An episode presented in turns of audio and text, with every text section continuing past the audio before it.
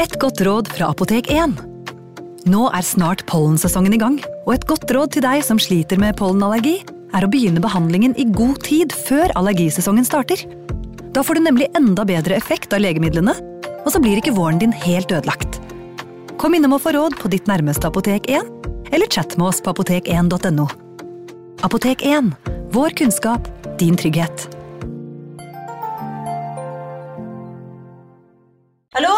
Jeg kommer fra Oslo politikammer.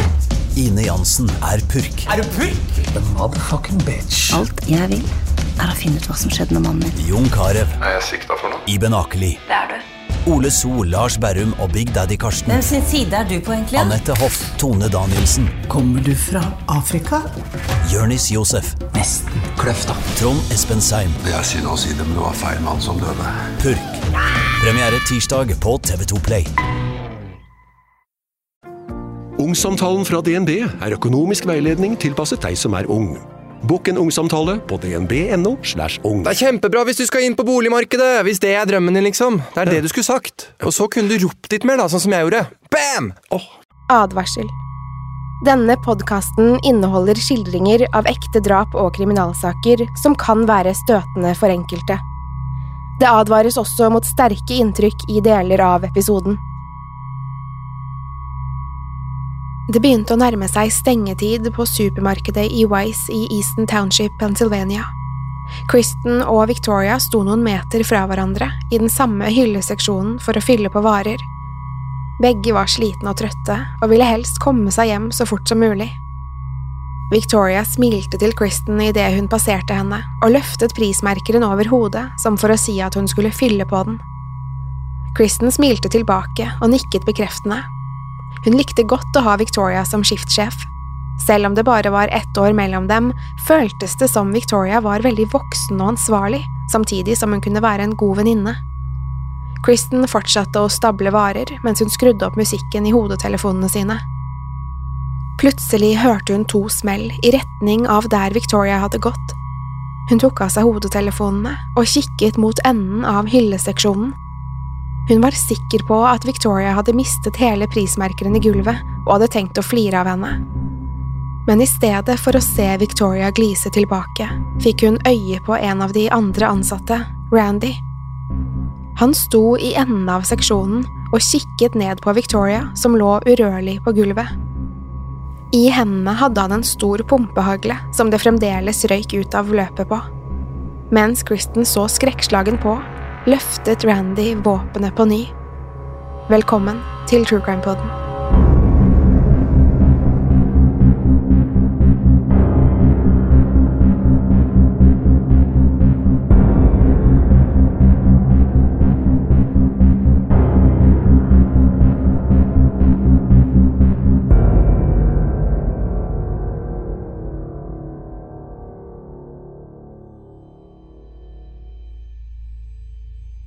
Randy Robert Stair ble født 17. september 1992 og vokste opp sammen med familien sin i Dallas, Pennsylvania.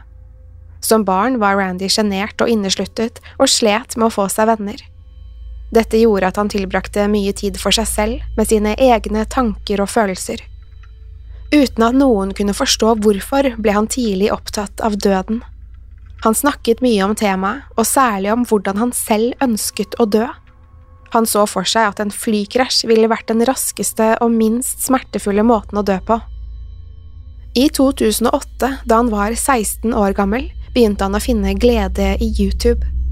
Han startet sin første kanal, hvor han først publiserte relativt uskyldig innhold.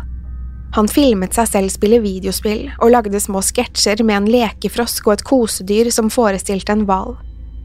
I videoene ga han seg selv et kallenavn, Andrew Blaze.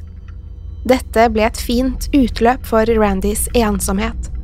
På YouTube kunne han være seg selv, og folk så ut til å like innholdet han lagde. Etter hvert vokste kanalen seg større, og han fikk mange faste seere. Etter et par år med de samme videoene begynte innholdet å endre seg. I 2010 oppdaget Randy en tegneserie på barnekanalen Nickelodeon som het Danny Phantom. I denne serien dukker hovedkarakteren Danny opp i en spøkelsesverden sammen med flere andre spøkelseskarakterer. Randy ble helt oppslukt av serien, og da spesielt én av figurene.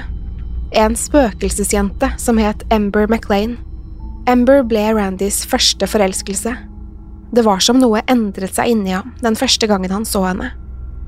Han ble så besatt av Ember-karakteren at han bestemte seg for å lage sin egen spin-off-serie basert på Ember.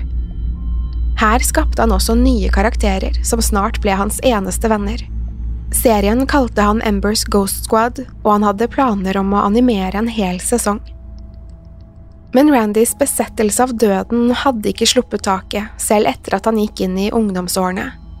Til tross for at han fant glede i YouTube og animasjonsprosjektet sitt, var han fremdeles en svært ensom gutt. På skolen skrev han flere stiler der hovedkarakterene alltid døde på slutten. Dette var et rop om hjelp, som aldri ble oppdaget av lærerne. Da han ble ferdig på skolen, bestemte Randy seg for å dedikere mesteparten av tiden til YouTube-kanalen sin, som hadde samlet en større fanskare. Men dette gjorde også at han ble enda mer isolert enn tidligere. Hver eneste dag satt han alene på rommet sitt og lagde innhold til kanalen. De eneste gangene han var ute blant folk, var da han tok vakter på det lokale supermarkedet. Han hatet jobben, men han var nødt til å tjene penger frem til YouTube-karrieren tok av. Omtrent på denne tiden skjedde det noe som skulle snu opp ned på Randys liv. En kamerat av broren hans hadde havnet i en bilulykke på vei til skolen og dødd. Til tross for at Randy ikke kjente gutten så godt, hadde de fremdeles lekt sammen som barn. Det gikk derfor veldig innpå ham. Randy ble enda mer investert i tankene om døden og det morbide, han begynte også å kjøre forbi stedet gutten hadde dødd, på den samme dagen hvert år, nesten som et rituale. Randy brukte mye tid på å tenke over hva som ville skje etter døden. Han trodde ikke på at man kom til himmelen, men noe måtte det være. Det ensomme livet han levde på jorden, kunne ikke være det eneste som fantes. Han visste bare ikke hva det var. Da enda en av Randys venner døde i en bilulykke, var det som han brøt helt sammen. Han hadde mistet interessen for selve livet. Hvis alle skulle dø likevel, hva var da poenget med å leve? For ham virket det som det ikke spilte noen rolle hva man gjorde i dette livet. Da Randy selv havnet i en lettere ulykke som kun etterlatt en bulk i bilen hans, var det som det skrudde på en bryter inni ham. Han begynte å frykte voksenlivet og alt det førte med seg. Tanken på å bli gammel og leve det samme livet dag ut og dag inn skremte vettet av ham. Til slutt så han ikke lenger noe poeng ved å leve lenger enn til fylte 30. Randy ville dø ung, og nå mente han også at han hadde funnet ut hva som ville skje med ham etter døden. Besettelsen med spøkelseskarakterene han skapte, hadde begynt å blande seg med virkeligheten. Han var nå overbevist om at han kom til å bli en spøkelsesjente når han først døde. Han kom til å leve videre sammen med Ember og de andre karakterene i spøkelsesuniverset. Det var det som var hans sanne jeg. Dette var Randys åpenbaring. Han mente at han ikke hørte hjemme på jorden eller i kroppen sin. Dette førte til at han begynte å bli usikker på sin egen kjønnsidentitet han begynte å eksperimentere med dameundertøy og klær, men det var ikke som han følte at han var en kvinne. Det han trodde, var at han hadde en kvinnelig sjel. Rettere sagt at han hadde sjelen til en spøkelsesjente fanget inni kroppen sin. Han begynte å stjele klær fra morens klesskap og kledde seg opp når ingen andre var hjemme. I tillegg sultet han seg for å få en mer feminin kropp og barberte bort alt kroppshåret Fremdeles virket det som ingen la merke til det, og dette begynte å irritere Randy. Hvorfor var det ingen som reagerte eller brydde seg om hva han gjorde? Dette fikk han til å tenke at han ble nødt til å gjøre noe mer drastisk for å få folks oppmerksomhet. Det var på denne tiden at han begynte å interessere seg for skoleskytingen ved Columbine. Der hadde to frustrerte og misforståtte elever tatt seg inn på skolen med våpen og tatt livet av 15 personer, inkludert seg selv. Randy kunne kjenne seg igjen i følelsen av å være ensom og utestengt, og begynte å se opp til gjerningspersonene. Han var aktiv i flere nettfora der Columbine-saken ble diskutert, og hadde tydelig forvrengte meninger om den. Under en livestream på YouTube-kanalen sin i 2014 annonserte plutselig Randy at han kom til å forlate YouTube om ikke så lenge. Han visste ikke om det kom til å skje snart eller om noen år. Likevel var han sikker på at han ikke kom til å holde på mye lenger. Følgerne hans var irriterte og ville vite hvorfor, men da svarte Randy at han ikke kunne fortelle det helt ennå. Men Randy visste akkurat hvorfor han kom til å gi seg. Han trengte en utvei og ville avslutte livet. Grunnen til at han ikke visste når, var fordi han først ville gjøre seg ferdig med spin-off-serien sin om Ember og de andre spøkelsesjentene. Det var på denne tiden at Randy begynte å filme små videoer som foreldrene skulle se etter at han var død. De skulle nemlig planlegges slik at de ble publisert samtidig som han begikk selvmord. I videoene snakket han om hvor mye han hatet mennesker, og at han helst skulle sett dem alle døde. I tillegg begynte han å vise en overraskende rasistisk og homofobisk side av seg selv. Ifølge Randy var det ingen som brydde seg om hverandre, og i alle fall ikke om ham. Ikke før han var død. Da kom de til å bry seg. Han snakket frustrert om alle seerne sine på YouTube som hadde blitt sinte da han annonserte at han skulle slutte. Han mente ingen av dem hadde vist noen omtanke før han truet med å ta innholdet fra dem. Nå var det for sent. Det var ingenting de kunne si som kunne få ham til å endre mening. Han begynte å planlegge når han ville avslutte livet. Han brukte initialene i spin-off-serien sin Ember Ghost Squad til å kode en dato for selvmordet. Hver bokstav fikk et tall etter hvilket nummer i alfabetet de var. EGS ble til 5, 7, 19. Altså planla han å ta sitt eget liv den 7. mai 2019. Han tenkte at dette ga ham nok tid til å ferdigstille serien, slik at den kunne publiseres etter at han var død. Men våren 2017 følte han at han ikke kom til å klare å vente så lenge. To år til på denne forferdelige planeten kom til å ta livet av ham før han fikk gjort det selv. Han klarte å overbevise moren sin om å få gå til innkjøp av to pumpehagler av typen Mossberg 500.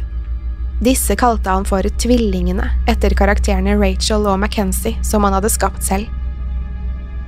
I tiden etterpå publiserte han flere videoer hvor han hadde skytetrening i sin egen hage.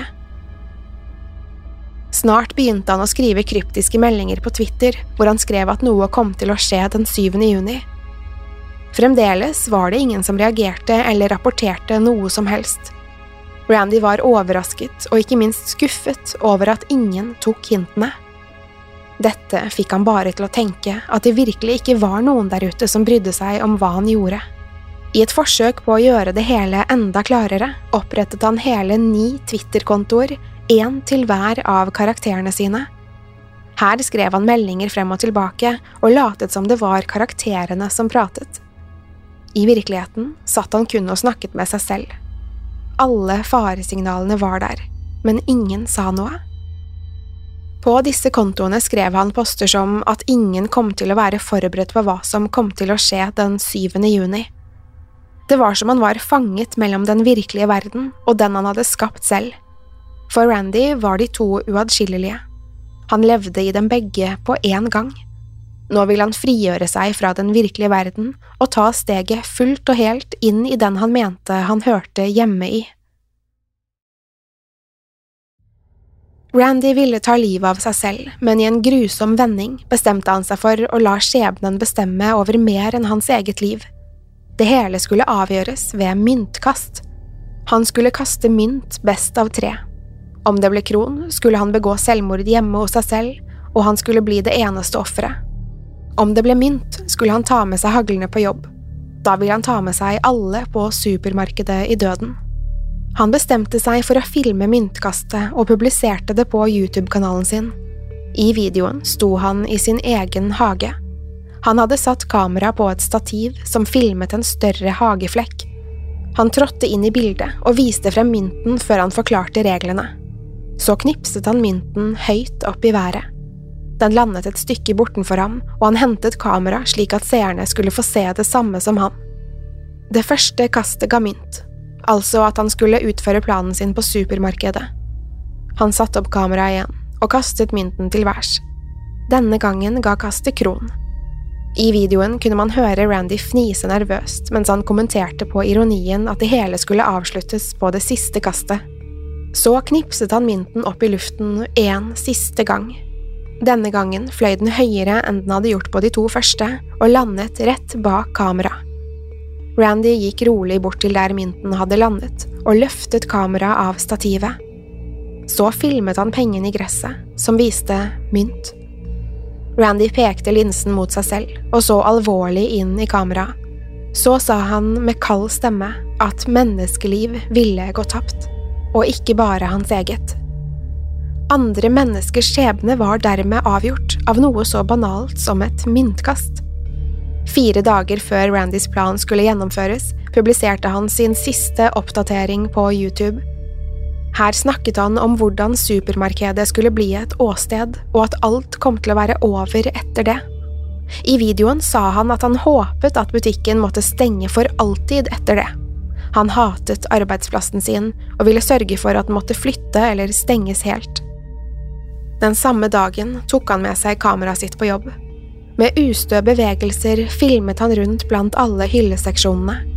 Han filmet alle utganger og innganger som om han dokumenterte alle rømningsveier. Disse videoene ble ikke publisert før noen dager senere. Det var nemlig en del av Randys aller siste video. Kvelden før planen skulle gjennomføres, publiserte Randy sitt livsverk. Det var animasjonsprosjektet han hadde jobbet med så lenge, om Ember og hennes gjeng med spøkelsesjenter. Likevel var det begynnelsen av videoen som var mest skremmende, her kunne man se Randy lade de to haglene sine, tvillingene, før han la dem i en stor bag. I videoen sa han, Jeg er blitt tråkket på gjennom hele livet.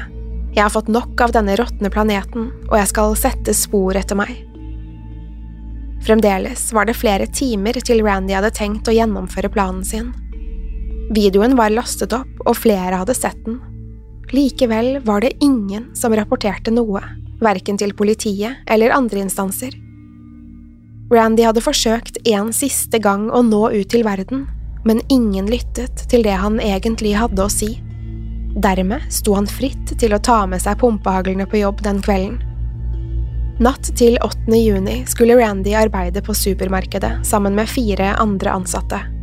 26 år gamle Victoria Brong, 47 år gamle Brian Hayes, 63 år gamle Terry Lee Sterling og Kristen Newell, som var 25 år gammel. Det var sent og like før stengetid. Alle ville helst bli ferdige, slik at de kunne komme seg hjem, og de jobbet så fort og effektivt de kunne. Dermed var det ingen som la merke til at Randy ikke gjorde jobben sin den kvelden. Han hadde noe ganske annet enn jobb i tankene sine. Han snek seg rundt i butikken, fra utgang til utgang, og barrikaderte dem med jernstenger og varestativer. Han ville sørge for at ingen kunne rømme fra det helvete han var i ferd med å stelle i stand. Omtrent klokken ett på natten, like før stengetid, fant han veien bort til hovedinngangen til supermarkedet og låste og barrikaderte den også. Ingen skulle få komme inn og forstyrre ham nå. Da Randy hadde fått oversikt over hvor i den store butikken alle var, begynte han å gå rolig nedover gangene til der han visste Victoria og Kristen sto. Da Kristen fikk høre smellene gjennom hodetelefonene sine og fikk se Randy stå der med haglen, frøs hun til. Hun hadde stivnet helt av sjokket. Randy hadde ennå ikke løftet blikket fra Victoria, som lå urørlig på gulvet. Så pekte han haglen mot Victoria og nådeløst avfyrte to skudd i kroppen på den livløse jenta. Kristen kunne verken bevege seg eller få frem et ord, men Randy hadde fått øye på henne nå. De sto kun fem–seks meter fra hverandre og så hverandre inn i øynene. Randy hadde et sløvt uttrykk i ansiktet som om han gikk i søvne eller var kraftig neddopet. I det som virket som en evighet, sto de slik og så på hverandre. Kristen hadde mest lyst til å løpe, men hun kunne ikke le seg en millimeter. Randy flyttet litt på pumpehaglen i hendene. Så snudde han seg og gikk videre til neste hyllerad. Kristen kunne ikke tro det hun nettopp hadde sett. En stund sto hun der og lurte på om det hele var en spøk, og at kollegene spilte henne et puss. men da hun hørte to høye smell til fra hylleseksjonen ved siden av, var det som om hun våknet til liv. Hun fikk ristet seg løs fra der hun sto, og jogget bort til Victoria. Hun lå fremdeles urørlig på gulvet. Kristen forsøkte å prate til henne, men fikk ikke noe svar. Store, røde flekker hadde dannet seg på klærne hennes. Imens hadde Randy skutt og drept 47 år gamle Brian. Han hadde avfyrt flere skudd og truffet Brian i armen, brystet, skrittet og hodet.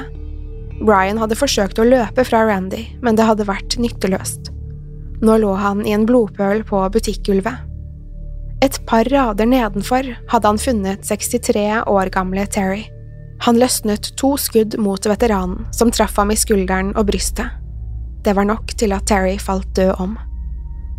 To hylleseksjoner nedenfor satt fremdeles Kristen på kne og prøvde å få liv i Victoria. Hun hadde kjent at Victoria fortsatt hadde puls, men den var så svak at hun aldri ville våkne. Med skjelvende fingre fisket hun frem mobiltelefonen fra baklommen. Mens hun kikket nervøst rundt seg, slo hun nummeret til politiet og fikk meldt ifra om hva som foregikk. Damen på nødsentralen ba henne forsøke å samle tankene sine og komme seg ut av butikken. Så forsikret hun Kristen om at hjelpen var på vei. Med nødsentralen fremdeles på linjen begynte Kristen å bevege seg mot hovedinngangen.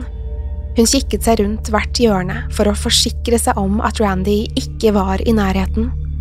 På veien til inngangen stanset hun ved selvbetjeningskassene. Hun hadde ingen anelse om hvor Randy var, som var en ekstremt sårbar posisjon.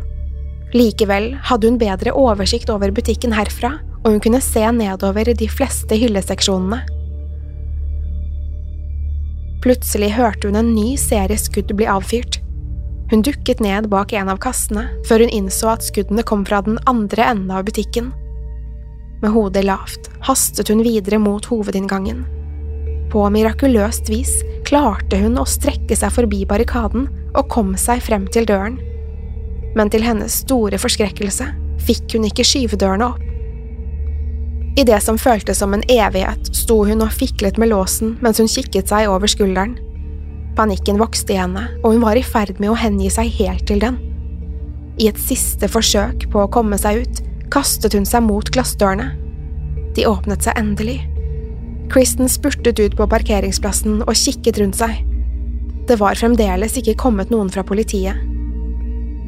Hennes første tanke var å gjemme seg bak en av bilene på parkeringsplassen. Men da hun fikk se Randys bil parkert like ved en av nødutgangene, ombestemte hun seg. Hun løp videre over den åpne plassen. Innimellom kastet hun et blikk bakover for å se om Randy fulgte etter henne, men hun kunne ikke se ham noe sted. I enden av parkeringsplassen sto det flere dekorative busker, og hun kastet seg under dem. Der lå hun i skjul, helt til hun kunne høre sirener ule et sted langt borte. Inne i butikken hadde ikke Randy klart å finne Kristen. I stedet hadde han gått løs på inventaret. Han tømte magasin etter magasin, så frokostblanding og salat fløy veggimellom. Da han så en stabel med små propantanker, løsnet han noen skudd mot dem også, i et forsøk på å sprenge butikken og seg selv med den. Men det hadde ikke effekten han håpet på. Til slutt vandret han stille og rolig inn i ferskvareavdelingen mens han hørte sirenene nærme seg utenfor. Her satte han haglen mot underkjeven og trakk av. Da politiet tok seg inn i supermarkedet, fant de Victoria, Brian, Terry og Randy døde, spredt rundt i butikken. Etter grundige undersøkelser fant åstedsgranskere ut at Randy hadde løsnet så mange som 59 skudd inne i butikken. Alle var avfyrt fra den største av haglene, den Randy hadde oppkalt etter Rachel. Den andre, McKenzie, lå fremdeles urørt i bagen. Etter å ha tatt vitneavhør av Kristen var ikke politiet i tvil om at Randy hadde handlet alene. De gjennomsøkte Randys rom, hvor de fant flere beviser som pekte mot det. Blant dem var alle videoene som han hadde laget i forkant av aksjonen. Endelig ble de sydd sammen til å skape et bilde av hvordan Randy hadde mistet vettet over tid. Det som ingen hadde sett tidligere, ble plutselig klart som dagen. Timevis med opptak viste hvordan ensomheten og utenforskapen sakte, men sikkert hadde tæret på Randy.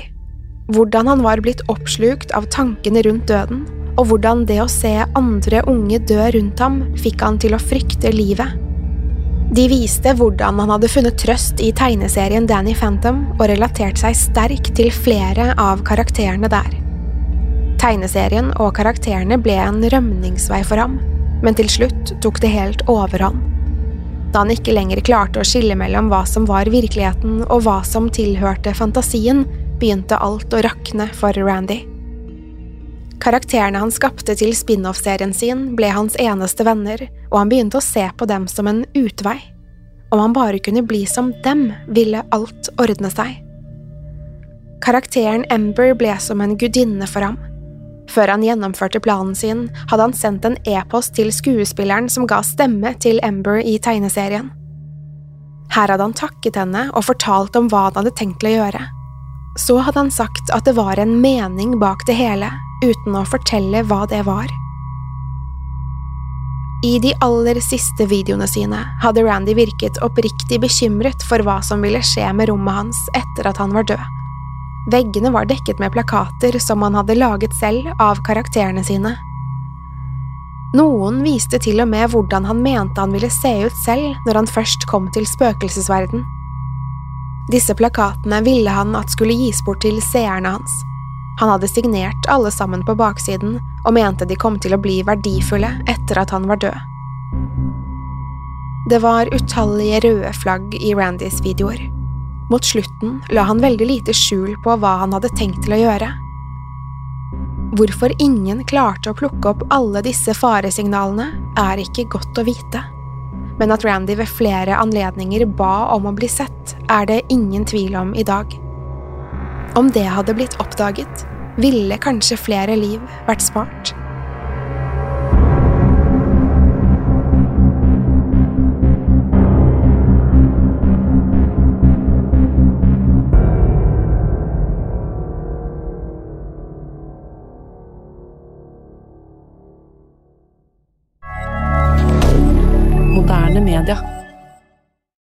Har du et enkeltpersonforetak eller en liten bedrift? Da er du sikkert lei av å høre meg snakke om hvor enkelt det er med kvitteringer og bilag i fiken, så vi eh, gir oss her, vi. Fordi vi liker enkelt. Fiken superenkelt regnskap. Hei! Takk for at du lytter til True Crime Podden. Skulle du ønske at du kunne høre en ny episode av denne podkasten hver eneste uke? Vel, da er det bare å laste ned podkastappen Untold med en gang. I tillegg til ukentlige episoder av podkaster som Skrekkpodden, Synderne og Henrettelsespodden, får du masse annet reklamefritt og eksklusivt innhold. Last ned Untold i AppStore eller Google Play, og start din 30 dagers prøveperiode i dag.